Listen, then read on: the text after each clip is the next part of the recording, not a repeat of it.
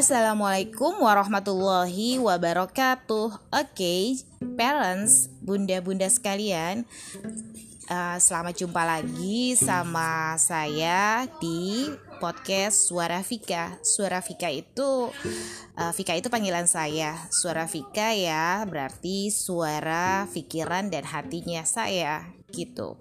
Nah, uh, kemarin uh, saya tuh mau mengupas dan mau mendalami tentang kitab Tarbiyatul Tarbiyatul Aulad fil Islam atau pendidikan anak dalam Islam. Kalau kemarin kita sudah me, kita sudah membahas tentang uh, pem, kita membahas pengantar dari penerbit. Nah, uh, kita akan masuk ke bagian uh, selanjutnya yaitu daftar isi. Kalau kita dengar kata daftar isi, daftar isi ini mirip banget ya. Kalau kita e, mirip banget seperti menu di sebuah restoran. Jadi kalau kita mau masuk restoran, terus kita mau makan apa, nah biasanya e, di situ ada di restoran tersebut menyediakan menu makanan. Nah di situ bisa kita bisa lihat makanan makanan apa yang disajikan oleh restoran tersebut. Nah, di daftar isi ini kita juga jadi tahu apa saja yang dibahas dan disajikan di dalam buku ini. Nah, ini di dalam daftar isi ini uh, penulis penulis uh, penulis ini menjabarkan pemikirannya di dalam uh, tiga bagian. Nah, kita langsung lanjut ya ke bagian pertama itu tentang apa aja. Seperti di seperti yang saya sampaikan di uh, episode pengantar bagian pertama itu e, dibahas tentang pernikahan yang ideal dan kaitannya dengan pendidikan. Nah, pastinya kalau ngomongin anak nggak lepas ya dari pernikahan. Nah, di sini dibahas di pasal pertama tentang pernikahan yang ideal tuh seperti apa, tujuan-tujuannya, Kemudian uh, apa saja sih yang harus kita lakukan agar pernikahan yang kita jalani itu bisa ideal? Itu di bagian pertama, pasal pertama. Kemudian pasal kedua setelah membahas pernikahan, maju lagi nih sobat uh, sobat parents kita maju lagi ya ke tentang ke pasal kedua. Apa aja yang dibahas di pasal kedua? Eh, di pasal kedua ini membahas tentang perasaan psikologis terhadap anak. Ya, di sini dibahas fitrah-fitrahnya orang tua tuh seperti apa. Kemudian membahas tentang cinta, cinta anak kepada orang tua, cinta orang tua kepada anak. Nah, kemudian apa keutamaan-keutamaan uh, dalam uh, sikap kita yang utama dalam menghadapi anak. Nah, ini dibahas di sini. Maju lagi ya sobat ke pasal ketiga. Nah, di pasal ketiga ini kita membahas tentang hukum-hukum syara atau hukum-hukum Islam yang berkaitan dengan kelahiran. Kalau tadi kita membahas secara psikologisnya, kemudian kita membahas sekarang secara hukum-hukum Islamnya bagaimana ketika uh, uh, pasangan suami istri atau orang tua uh, apa sudah mendapatkan anugerah berupa lahirnya anak. Apa saja sih hukum hukum Islam yang berkaitan dengan kelahiran anak? Nah, di sini juga dibahas. Kemudian maju lagi ya, sobat ke pasal keempat. Nah, di pasal keempat ini membahas tentang sebab-sebab kenakalan pada anak dan penanggulangannya. Nah, makanya kalau ngebahas kenakalan anak uh, di sini di ini ya dibahas ada 10 sebab. Ada 10 sebab kenapa anak-anak itu bisa bermasalah atau tanda kutip nakal gitu ya atau perilakunya tidak sesuai dengan hukum syarat. Nah, di sini ada 10 sebab. Pasti penasaran ya. Karena pastinya dalam mendidik anak kita pasti melalui berbagai rintangan. Anak bermasalah atau nakal itu pasti kita alami juga. Dan tentunya kita pingin dong pingin tahu dong ya penyelesaiannya seperti apa. Dan yang paling utama sebelum menyelesaikannya kita juga perlu tahu sebabnya apa gitu. Nah di sinilah dibahas sebab-sebabnya. Ada 10 luar biasa ya. Penasaran kan Nah, itu bagian pertama. Bagian pertama yaitu tentang nah, bagian pertama dari buku ini. Tuh. Nah, kita meranjak lagi ke bagian kedua. Nah, bagian kedua ini dibahas tentang tanggung jawab para pendidik. Nah, uh, parents, bunda-bunda semua uh, kadang ketika kita melalui episode kita menjadi orang tua, kadang kita suka bingung sebenarnya apa sih yang harus diajarin sama anak. Sebenarnya tanggung jawab orang tua tuh apa? Ya, sebenarnya tanggung jawab orang tua apa? Mendidik anak e, mendidik anak tuh apakah selalu ngajarin matematika apakah ngajarin kerja eh, bagaimana bagaimana uh, membersihkan rumah?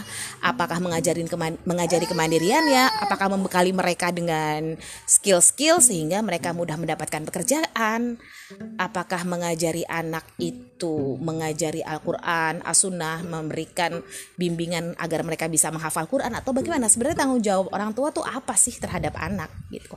Nah di sini ada berapa pasal nih ya? Satu dua dua tiga um, ada berapa pasal ini? Ada tujuh pasal. Cukup banyak ya bunda. Cukup banyak yang dibahas. Ternyata di dalam di dalam kitab ini di uh, di dalam kitab ini dijelaskan tanggung jawab orang tua itu ada uh, ada tujuh ya.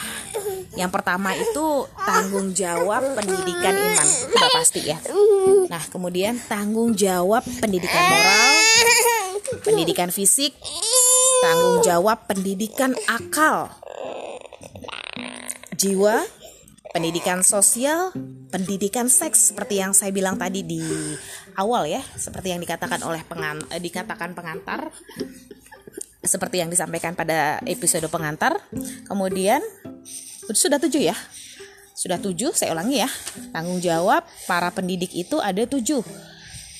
Tanggung jawab pendidikan iman, pendidikan fisik, pendidikan akal, jiwa, sosial, dan yang terakhir tanggung jawab pendidikan seks. Seperti apa Islam membahas pendidikan seks ini? Kita akan dapat jawabannya kalau kita menyimak terus podcast-podcast saya dan kita kaji bareng-bareng kitab ini. Oke? Okay? Yuk, sekarang kita uh, uh, kita nanjak lagi nih. Nanjak ke bagian ketiga. Nah, di bagian ketiga ini setelah kita tahu tanggung jawab tanggung jawab seorang uh, tanggung jawab tanggung jawab parents tanggung jawab orang tua tanggung jawab pasangan suami istri itu ketika mereka mempunyai anak tanggung jawabnya apa? Nah seperti apa sih bagaimana supaya bisa melaksanakan tanggung jawab itu? Kita bisa melaksanakan amanah itu? Gimana caranya? Nah makanya di bagian ketiga inilah dikupas metode dan sarana pendidikan yang bisa berpengaruh kepada anak.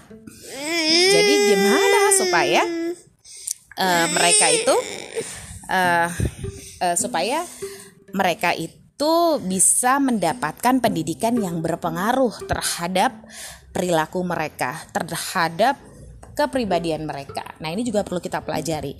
Karena nggak akan ada artinya kalau kita tahu ilmunya tapi kita nggak tahu. Kita nggak tahu metodenya dan kita nggak bisa melaksanakan uh, melaksanakan metode uh, melaksanakan uh, apa metode-metode tersebut. Gimana caranya kita nggak tahu ya? Kalau kita nggak tahu ya nggak akan sampai dan nggak akan berpengaruh ke anak-anak kita.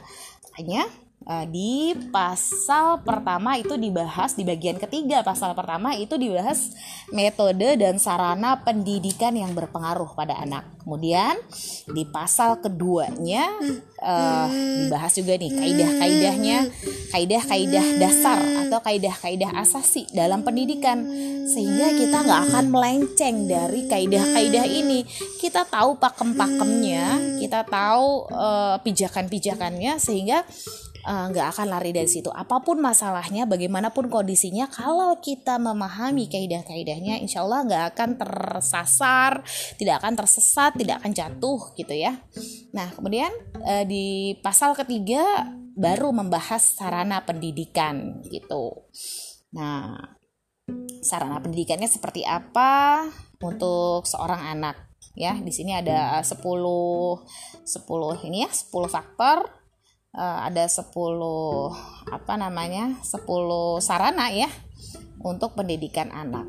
Menarik sekali ya, lengkap, dibahasnya lengkap, komprehensif gitu. Jadi uh, mudah-mudahan kita uh, mudah-mudahan buku ini atau kitab ini bisa menjawab pertanyaan-pertanyaan uh, yang besar dari diri kita tentang bagaimana sih cara mendidik anak di dalam Islam. Uh, semoga Eh, penjelasan-penjelasan di dalam podcast-podcast saya juga bisa membantu parents dan bunda-bunda sekalian dalam mendidik generasi yang akan datang. Oke, gitu aja daftar isinya. Uh, penjelasan tentang daftar isi itu tadi uh, isi atau materi materi atau materi-materi yang ada dan disediakan di dalam buku ini. Semakin penasaran? Oke, nantikan saja podcast-podcast saya dalam eh, di nantikan saja podcast saya di episode-episode selanjutnya. Bye. Assalamualaikum warahmatullahi wabarakatuh.